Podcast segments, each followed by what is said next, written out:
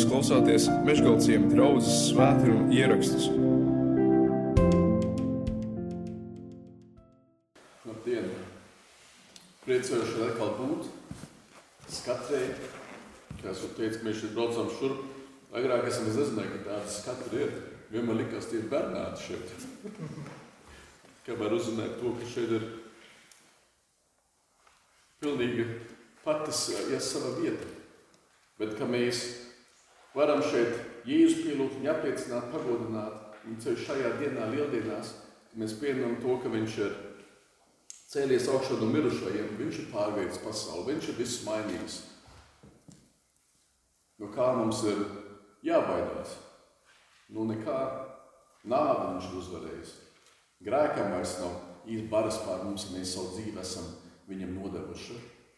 To lieldienas parāda, un to mēs lieldienās svinām. Es gribētu nolasīt no Jāņa evaņģēlī 19. nodaļas, tā kā Evers jau teica, tā, tas tēmats ir, ko nozīmē būt cilvēkam. Un tā kā, tā kā um, Pilāts stādīja Jēzus priekšā, ka viņš izved viņu ārā, 19. nodaļā, 4. un 5. pantā, Tad Pilārs atkal iznāca ārā, tiem sacīja, redziet, es viņu, Jēzu, vedu ārā pie jums, lai jūs zinātu, ka es neatrodu pie viņa nekādas vainas. Tad Jēzus iznāca ārā ar ēkšu vainu galvā un purpura apmetni. Pilārs viņam sacīja, redziet, cilvēks. Par to var strīdēties, ja to strīdās vai grieķu valodā, ja latīņu valodā, eka homo, vai Pilārs, kas saka, redzi, šeit viņš ir. Bet man interesanti tas, ka viņš Pilārs, Jēzus stāv patiešām tā priekšā, redzi cilvēks. Pilātam pašam nebija viegli to darīt. Evanģēlija arī atstās to, ka viņa sieva ļoti slikti sapņoja. Viņa sievai bija pilnīgi skaidrs, ka tas, ja Jēzum tiks nodarīts kaut kas ļauns, tas nav tā kā veikala darījums, kā valsts zemes pārvaldniekam. Šeit ir kaut kas cits. Un kā raksta to saka, jeb atsliecinieki to atstāsta, Pilārs patiešām mēģināja Jēzu atbrīvot. Lai ļaudis patiešām apmierinās un lai, laiž viņu brīvā. Bet tomēr, kas tas par ievaru? Iznāk ārā, apģērbts kā ķīniņš, īsumā kā izsmiekls un tiek stādīts priekšā redzēt cilvēks.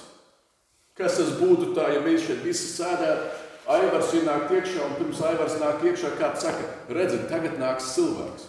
Domā, lūk, kāds tas cilvēks tad izskatās. Kas, kas ir tik sevišķs par to, kas nāks, ka viņš ir kā piemērs visiem tiem uh, cilvēkiem. Tas būtu baigais ievads.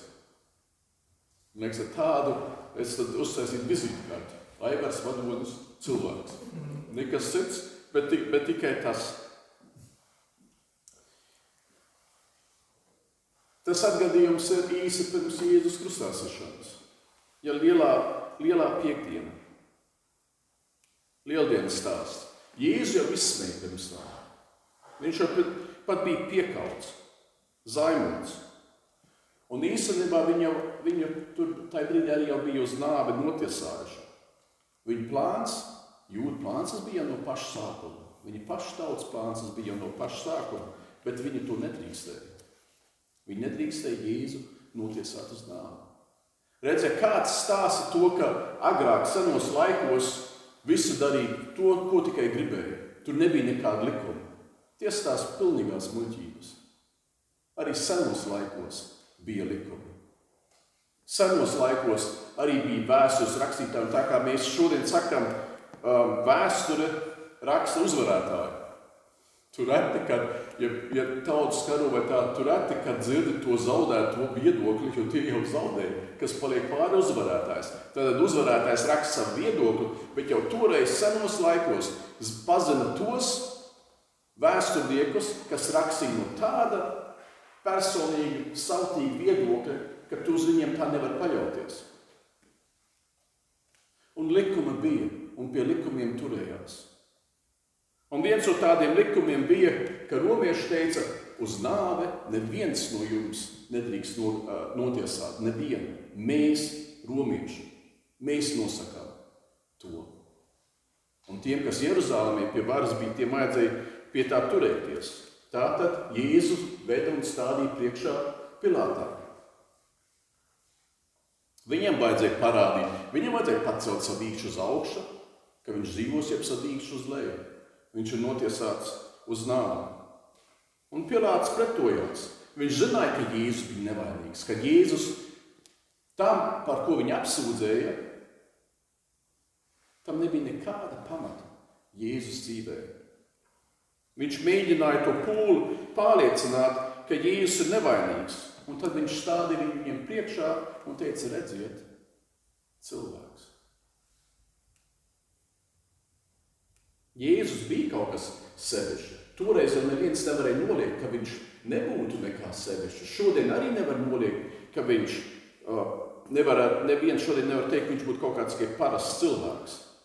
Pat Mahatma Gandhi, indiešu vadītājs, viņš teica, priekš Jēzus man ir lielas, lielas simpātijas. Bet kristietis viņš nebija.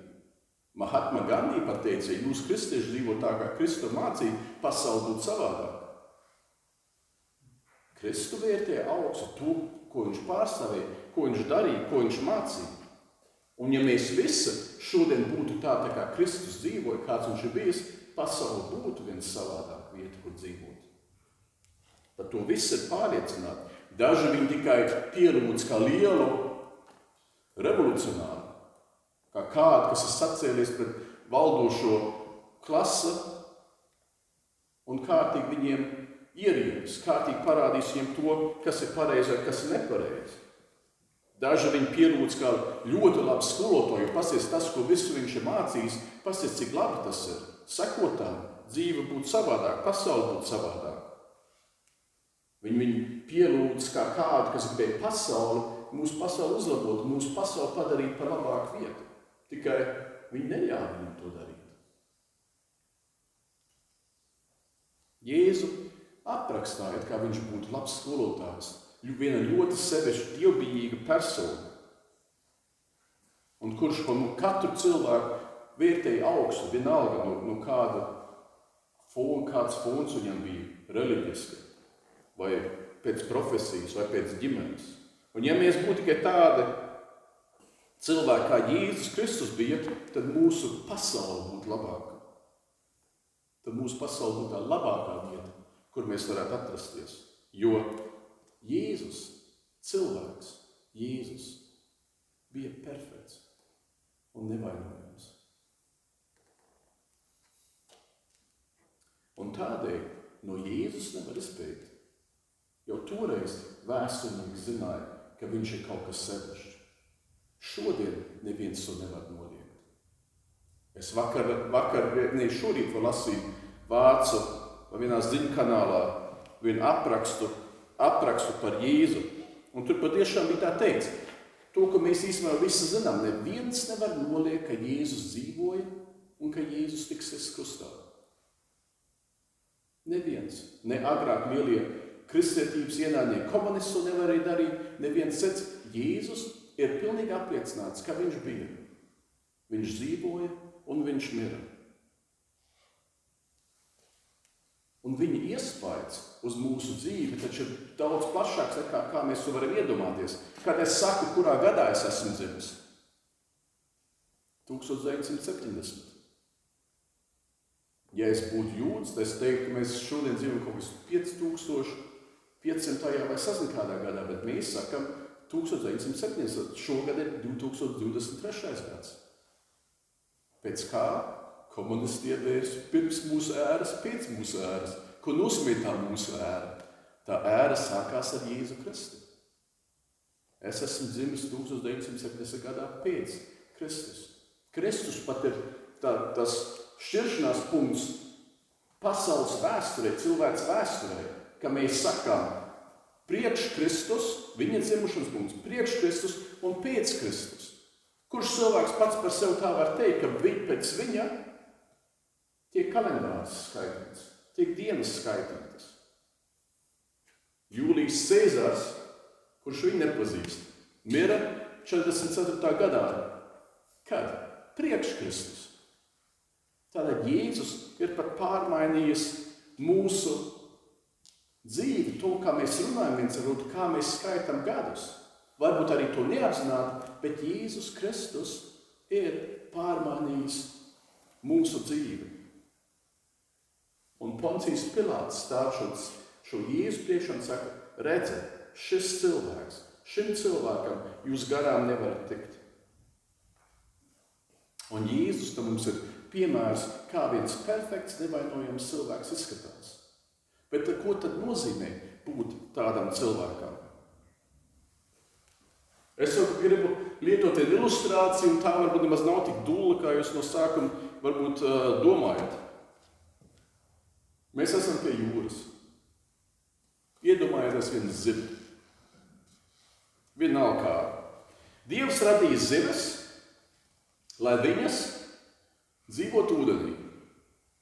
Vai no upes, zin, saldā ūdenī, jeb jūrā, sāls, ūdenī. Zivīm ir žaunas, ar tām viņi tieši ūdenī var uzņemt, uzņemt skābi.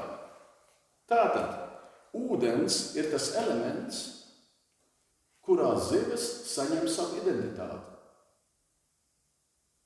Ūdens ir tas, kas zivī nāk pa labu. Viņa savu eksistenci kā zivs var izdzīvot tikai ūdenī.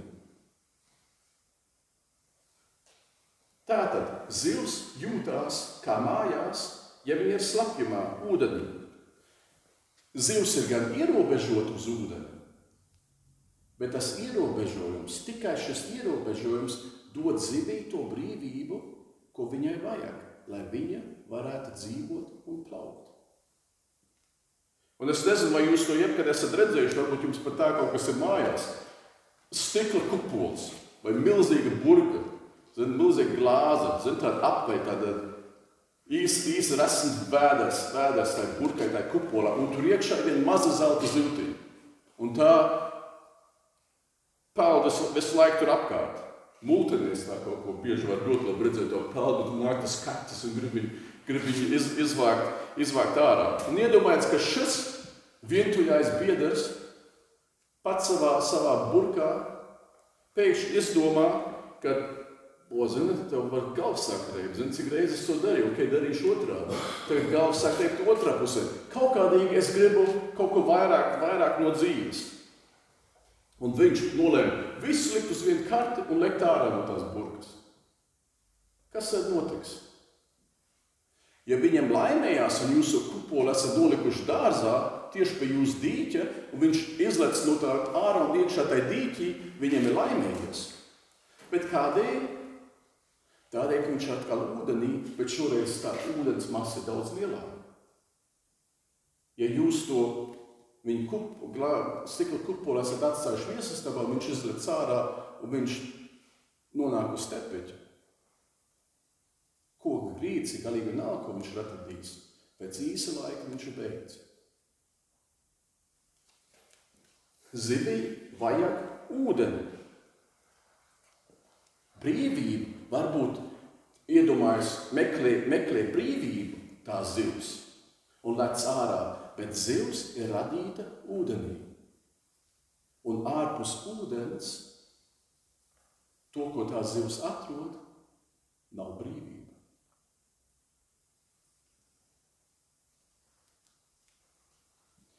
Ja zivs ir radīta ūdenī, kam ir cilvēks radīts?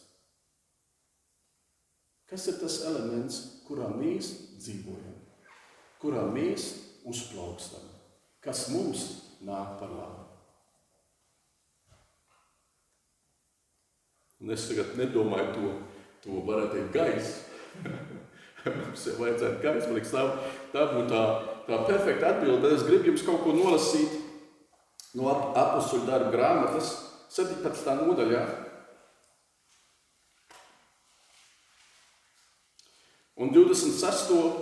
līdz 28. pantam. Un tur ir rakstīts, No viena cilvēka Dievs radīja visas cilvēku tautas, likdams tiem dzīvot pa visu zemes virsmu, iepriekš nolicis laikus un robežas, kur tiem dzīvot.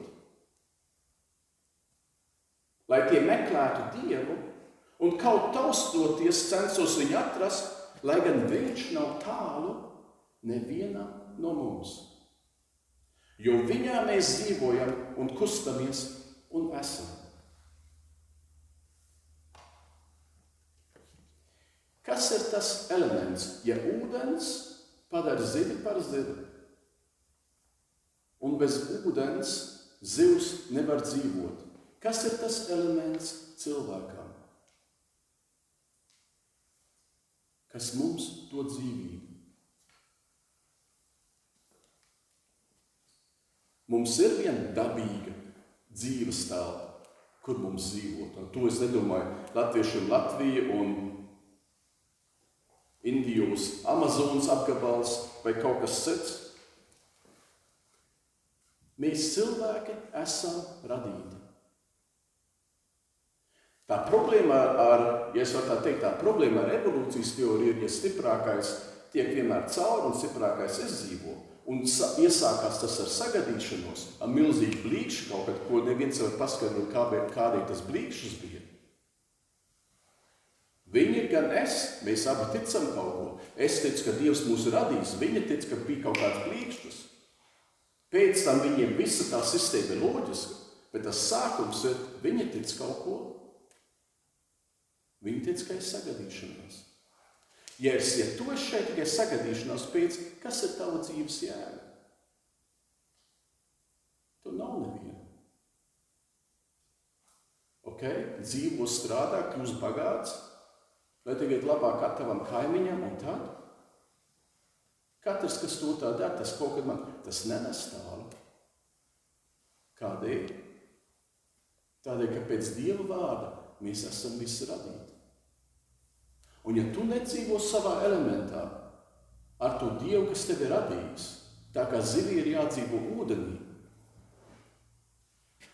tad tev kaut kā trūkst un tu to mani, un tev ir tukšums.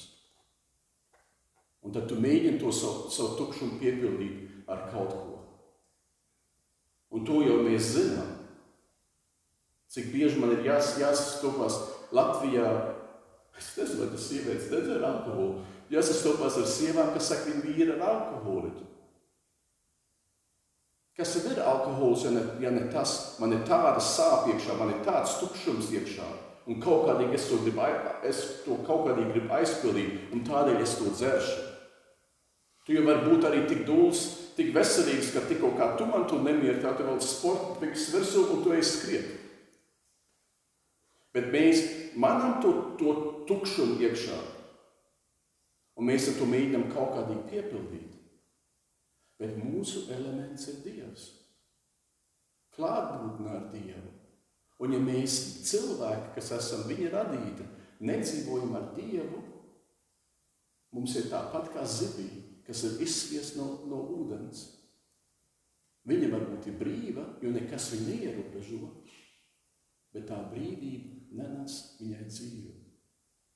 Un mums dzīve bez Dieva nenes to brīvību, priekš kā mēs esam domāti.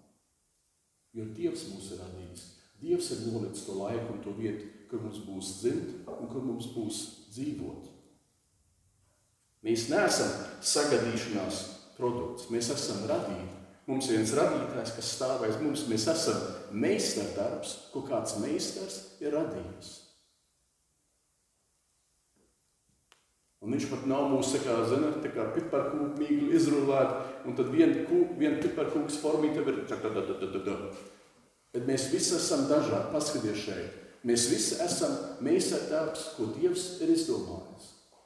Gara, īsa, blonda, brūna. Vienalga kādas acis, kādam aug bārdu vairāk, vienam citam mazāk, citam kuplu mati, citam mazāk. Mēs esam meistardarbs, ko Dievs ir radījis. Un tikai tad, ja mēs dzīvosim šī elementā, kopā ar Dievu, mēs būsim cilvēki.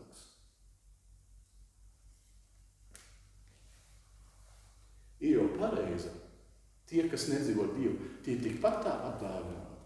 Tiem tikpat labi veicās, tie var būt sekmīgi, tie kaut ko panāk, tie kaut ko rāda. bet tādēļ, ka Dievs, kā viņš saka, ka viņš ir žēlīgs pat pret grēcinieku un ka viņš visiem mums ir devis labas dāvanas, ka viņš netur sauli un lietu.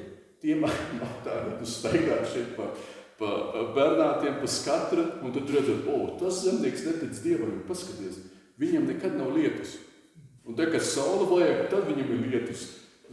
Nav tā, ka Dievs saka, šeit manējiem tikai laba, tiem slikti, bet Dievs savā žēlsirdībā ir tāds, ka viņš dod visiem to, ko vajag.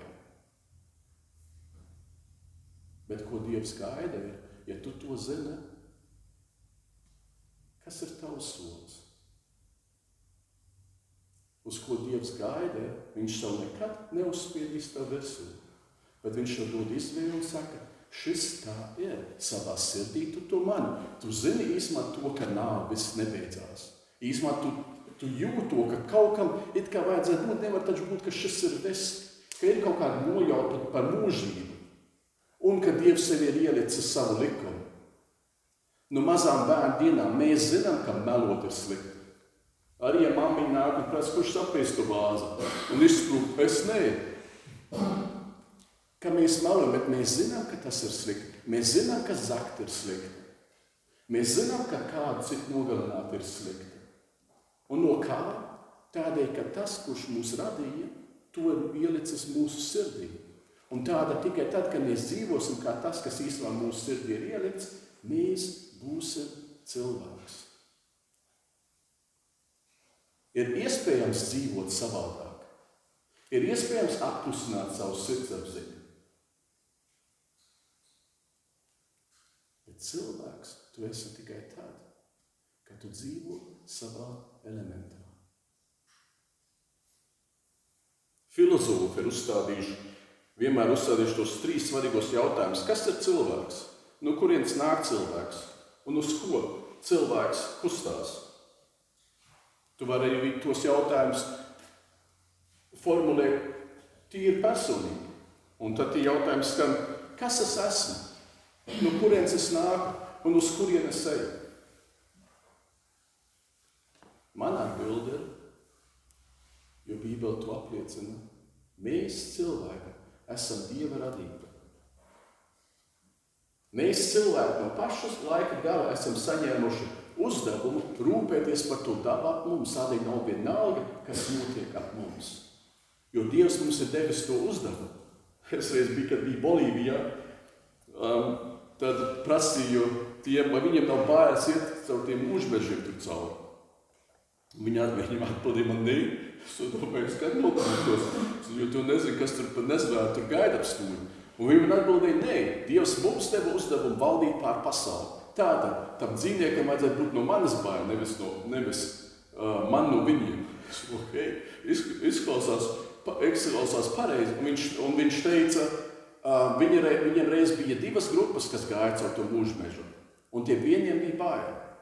Un viņš teica, un dzīvnieks sasmažo bailes. Un viņi teica, vēlāk viņi nākamā dienā skatījās. Viņi varēja redzēt plēsoņas pēdas, un tā plēsoņa patiešām izšķīrās, sekot tai grupai, kur bija tie, kuriem bija bailes. Tas ir parastais. Kādēļ es baidītos no viņiem, jo Dievs man ir devis uzdevumu rūpēties par radību. Tātad man ir atbildība par viņiem. Ir, ir tieši otrādi. Tātad mums ir jārūpējas par to, ko mēs ap sevi šeit redzam. Jo Dievs mums ir devis to uzdevumu rūpēties par šo zemi. Dievs mums ir devis uzdevumu mīlēt savu tuvāko kā sevi pašu. Nav vienalga, kā iet tavam kaimiņam, nav vienalga, kā iet tam cilvēkam, kur tu redzi. Mēs, mēs esam savādāk. Reiz teoloģijas studentiem. Un tad man jāskatās pašam spogulī. Teoloģijas studenti sadalīja trīs grupās. Viņiem uzdeva uzdevumu, viņiem jāsūdien par žēlsirdīgo samarieti. Zin, kas zina to stāstu, viens vīrs gāja, samarietis, tātad jūdu ienaidnieks.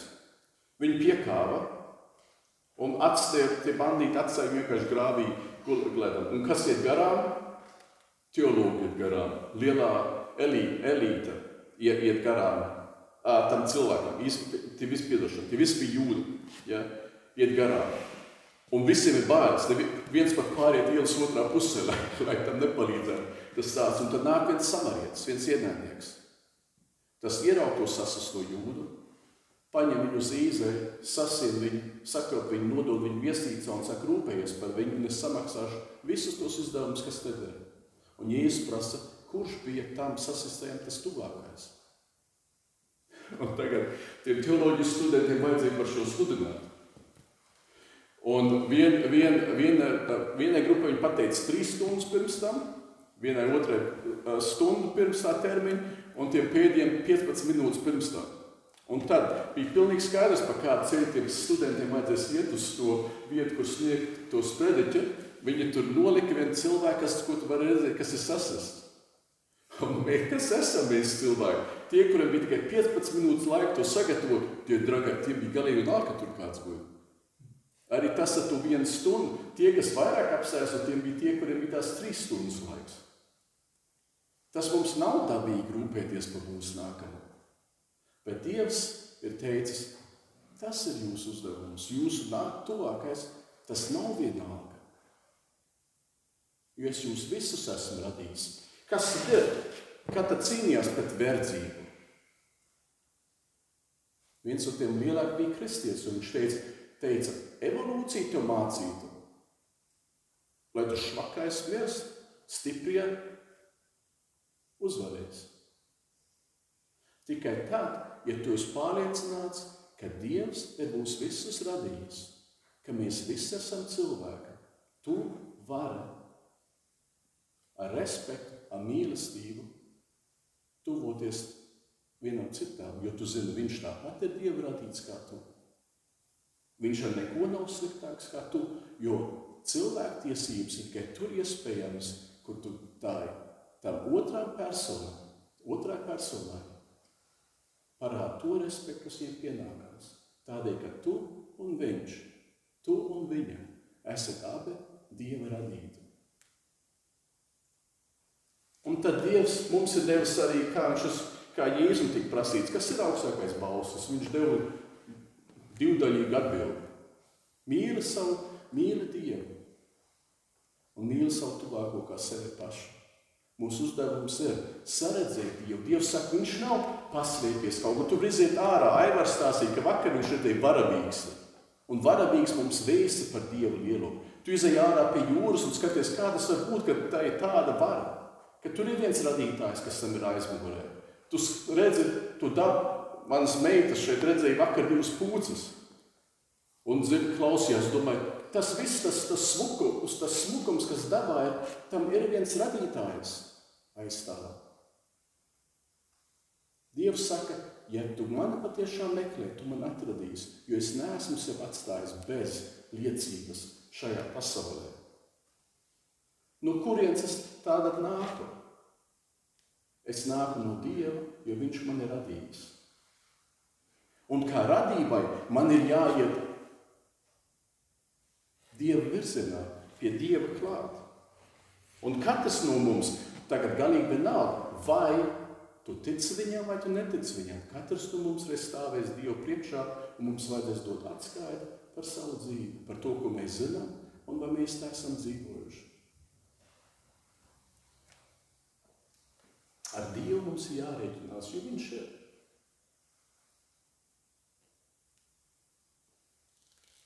Kas ar Dievu ir tā, ka Dievs, Dievs mūs nespiež. Jēzus Kristus, ko mēs svinam lieldienās, viņš savu dzīvi atdeva par mums. Dievam būtu viegli mūs piespiest uz to, ka mēs viņu slavējam, mēs viņam ticam. Vācijā ir tāda reklāma, ir speciāls deodorants. Un viens jauns puisis, zins, gatavojās iziet savos dienas darbos, un viņš iet uzpūš savu virsmu šo deodorantu un pēkšņi atver durvis un visas meitenes pa viņu gabelē. Tā nav mīlestība, ja tu uzpūti savu deodorantu un tas ir tas, kas pievelk cilvēkus. Jo tikko kā zina, aizsūt viņu uz jūru, nostrādāties, viņš smerdēs, kā sazina, kas visas, visas tās sievietes būs prom, ja tu domā to, to reklāmu līdz galam. Dievs tev dod brīvību par viņu izšķirties, jo ja viņš tev piespiestu viņu mīlēt, Tā nav mīlestība. Viņš to varētu darīt. Bet kas liek, ko lieldienas rāda? Dievs saka, tu zini, kas mans likums ir. Tu zini, to nebūs malu, tu zini, to nebūs zakt, tu zini, to nebūs krāt, to nebūs laupīt, to nebūs nogalināt. Ja tu to esi darījis savā mūžā, pat melošana tikai pietiek, tad tu manā tiesā nepastāvēsi. Es teikšu, tu esi vainīgs. Tu esi vainīgs un tu netiksi caur šeit. Tādēļ jau Jēzus nāca. Man vajag kādu, kurš man ieved, ieved debesīs. Kājai, manai otrai meitai, reiz draudzene atnāca uz mājām pie mums. Mēs dzīvojam Berlīnē 4. stāvā un apakšā, nu, zvanu pogu un augšā ir klausuli, ka mēs uh, paņemam, nu, kurš tur ir? Un kā Lotte ienāca virtuvē, un tur man bija tāds traktāts, cik daudz man jāmaksā, lai es iegūtu mūžīgo dzīvību. Tu lasu un skatās, kas tas pa jautājumu, cik, cik, tad, cik tad vajadzētu. Es teicu, tas ir tikai, lai, te, lai tu iesāk domāt. Un tad es viņai prasīju, kādēļ tu esi pie manis šeit dzīvoklī? Un tas bija atkal tāda pats, ir tāds tipiskais pieaugušo jautājums, bez loģikas. Viņš skatās man, man virsū. Uh, un es teicu, ko es domāju, tas, ja tu būtu lejā zvanījusi pie durvīm, un tu būtu teikusi, un es būtu prasījis augšā, kurš tur ir, tu būtu teikusi Karlota. Es būtu prasījis Karlota, es nepazīstu. Es teicu, tu esi pie manis tikai manā, tu esi pie manis manā dzīvoklī tikai tādēļ, ka mana meita tev atved līdzi. Debesu valstībā pie Dieva es esmu tikai tādēļ, ka Dieva dāvs mani atved līdzi. Tādēļ viņš ir nevainojams. Jeb tādēļ, ka viņš ir nevainojams, viņam tas ir iespējams. Ja jūs lietotu mani kā garantiju, man ir tāds, tāds uh, draugs Berlīnē, kurš saka, tā, ka viņš stāvēs Dievu priekšā, tad lai es piezvanu. Un it kā, it kā būtu liels gods tam, bet tas, tas es esmu brāķis Dieva tiesas priekšā. Es esmu melojis, es esmu ļauni domājis. Jēzus pat ir tik asks, ka viņš saka, ok, tu nevienu esi nogalinājis, neviens nav kapā tev uz dēļ, bet ja tu domā par, par savu kaimiņu, ka viens cits cilvēks saka, idiots, kas tas ir par ķēmu, tad tas ir tā, it kā tu viņu būtu nogalinājis. Es, tā, es esmu melojis, es esmu nogalinājis. Ja es saku to, ko tu savā sirdī domā, man nevajag, ka tu to dari ar savām rokām. Ja tu to savā sirdī domāji, tad tu esi vainīgs. Un tādēļ, ja, ja mans draugs man lieto kā reference, Dievs vietos, viņš teiks, uh, abi divi, fup, prom. Bet Dievs savā ideālismā, kā Jēzus, ka viņš pat paceļ to, to lati, latiņu augstāk un saka, pat ja tu savā sirdī domā, un tu esi vain, vainīgs un netiks cauri, tad Dievs arī ir realists. Ka viņš zina, ka mēs to nespētu. Un tādēļ lieldienas, tādēļ Jēzus Kristus, kas zina, kas nāk šajā pasaulē, kas dzīvoja, kas tad saka, Dievam tēvam, ka viņš to cīnījās, un šeit es negribu to visu piedzīvot, kas nāk, jo visu grēku nasta tiek viņam uzkraut virsū. Ka viņš pie krusta karājās un teica, mans tēvs, mans tēvs, kādēļ tu man esi atstājis? Un kas tad bija? Tad bija klusums debesīs. Un ja tu šeit sēdi un domā, ka tu citu sagaidīji, Dievam nebija problēmas pirms tam, viņš nekautrījās pirms tam saukt mūsu pasaulē iekšā.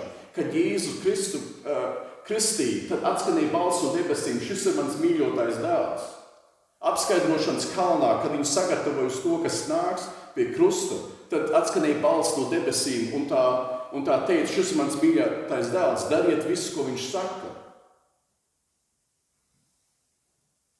Pulpols svētdienā, kad viņš ieradās Jeruzalemē, atskanēja balss no debesīm un teica, šis pareizi un īsti teica, to balsi jūs nedzirdat, Tā, to, tā balss neatskanēja manas dēļ, man to nevajag. Tā balss atskanēja jūsu dēļ. Tātad Dievs nekautrējās iesaukt mūsu pasaulē to, ka šis ir Jēzus Kristus, viņa dēls.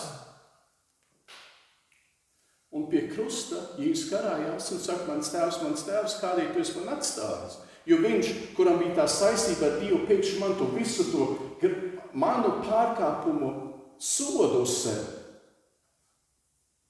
Un viņš sauc, mans tēvs, mans tēvs, kādēļ tu man esi atstājis? Un debesis klusē.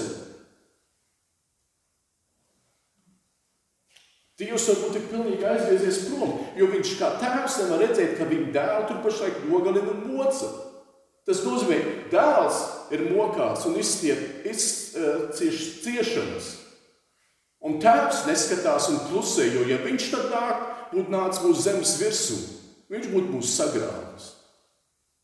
Ko cilvēki iedomājās darīt Dieva dēlam? Viņš to nebija pelnījis. Bet tas šausmīgais tas, ka ja viņš to nebūtu darījis, mums nebūtu ne mazākās izredzes Dieva to priekšā. Jo es esmu brāļs, man kā referents nevar lietot. Vienīgā referents, ko es varu lietot debesīs, ir Dieva dēls. Un tā kā Karlota bija manā dzīvoklī, tikai manas dēļ, es esmu debesu valstībā tikai Dieva dēla dēļ. Jo to, ko viņš priekš manis darīja, ka kādam vajadzēja sodu paņemt, un viņš brīvprātīgi spied šo sodu un teica, savu dzīvību sadot par to, ka tu un amadējs Un viss šie pārējie, ka tie var nonākt debesu valstībā, tā ir žēlastība, tā ir tā labā vīsta par Jēzu Kristu.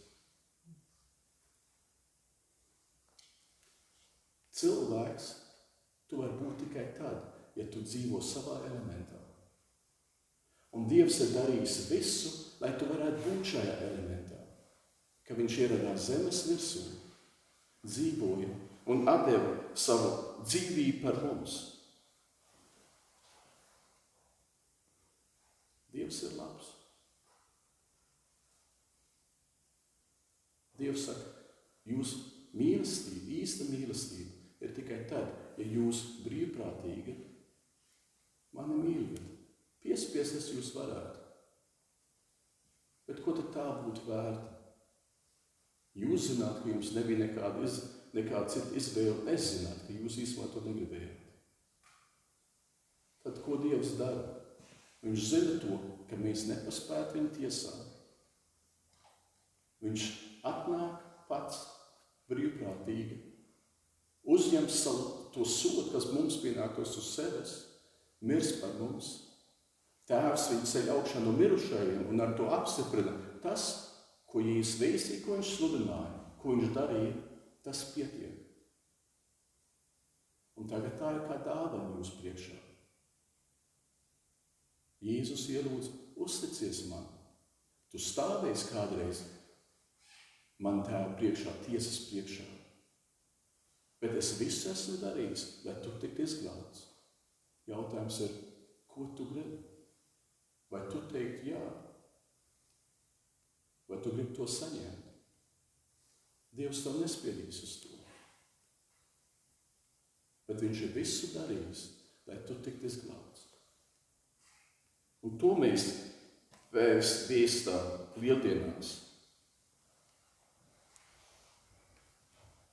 Ka Dievs tevi tik ļoti mīlējis, ka Viņš devi savu vienpiedzimušo dēlu, lai tu, ja tu viņam ticētu, nepazustu, bet tu iegūtu mūžīgo dzīvību. Jo Dievs savu dēlu nesūtīja pasaulē, lai tu tiktu tiesāts, bet lai tu caur viņu tiktu glābts un tiktu glābts. Tā ir tā veids. Tas ir tas, ko mēs šeit sludinām. Tas ir tas, ko krusts šeit aiz manis māca. Kaut kas nesaprotams, ka kāds tevi, ja, mani tevi varbūt, jā, mani tik augstu mīlēt, ka viņš savu dzīvību atdod par mani. Bet tas ir tas, ko Dievs darīja.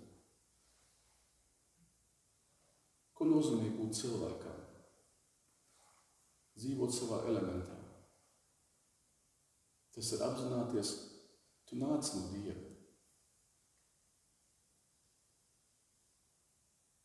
Tev jāiet Dieva virzienā. Tu vēlāk aizstāvēsi un priekšā, kad tu būsi miris tiesdienā, tad tas būs par vēlu. Viņš ir visu darījis, lai tev būtu mūžīgā dzīvība. Un tas jautājums tev ir, vai tu to gribi saņemt. Tu vari to šodien saņemt. Pestīšana notiek divos soļos. Pirmais ir, tu dod kaut ko Dievam, un Dievs to ņem. Un tas otrais solis Dievs dod tev kaut ko, un tu to ņem. Pirmais ar 1. Jāņa 1.9 ir teikts, ja mēs atzīstamies savos grēkos, tas, ko mēs zinām, ka mēs darījuši nepareizi. Vai nu tu zini tieši, ko tas darīs, ja tu zini to skaidrs, ka tu esi melojis vismaz. Un tu lūdz Dievam piedošanu, kad mēs atzīstamies savos grēkos, tad Dievs ir uzticams un taisnīgs, ka Viņš piedod mums mūsu grēkus un šķīstī mūs no visas netaisnības. Tas ir pirmais solis. Tu dod Dievam savus grēkus, un Viņš tos ņem. Kā Bībelē teiks, Viņš tos iegremdē dziļākā jūrā un tie prom. Un tas otrs solis ir, Dievs tev dod mūžīgo dzīvību, tad kā nepelnīt dāvā, un tu to saņem. Jāņem evaņģēlī 1. nodaļā 12. pantā teikts, visiem, kas viņu uzņēma, tiem viņš deva varu kļūt par Dievu bērniem, tiem, kas tic viņa vārdā. Un tas ir viss, tas īstenībā ir vienkārši. Bet dažreiz grūti pie mums, ja, mums, ja mūsu lepnums ir nākam pretī, grūti pie mums, jo es negribētu redzēt, ka man patiešām nav nekāda sirdizēja, bet tas tā ir. Es tev gribētu dot iespēju, šodien mēs dziedāsim kopīgi vienu dziesmu, un šīs dziesmas laikā tas varbūt no tevis prasīs drosmi.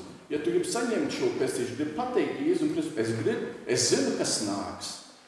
Es zinu, kas nāks, bet es gribu, ka tavs dēls mani ievada debesu valstībā. Tad vienkārši šīs dziesmas laikā es lūdzu, ka tu nāc, nāc uz priekšu. Prasīs varbūt drosmi. No otras puses, tu vari teikt, ja tu kādreiz šaubītos, ja vēlams jau gribētu iedzīt šaubas, tu taču neko neesi darījis. Tad varētu teikt, nē, nē, nē, 9. aprīlī. Kaut kad pēc pusdienas četriem pēcpusdienā es izgāju priekšā, un man ir iestrīgt tam, ka es lūdzu, Jēzu, piedod man manus grēkus, ka es zinu, ka viņš man tos ir piedevis.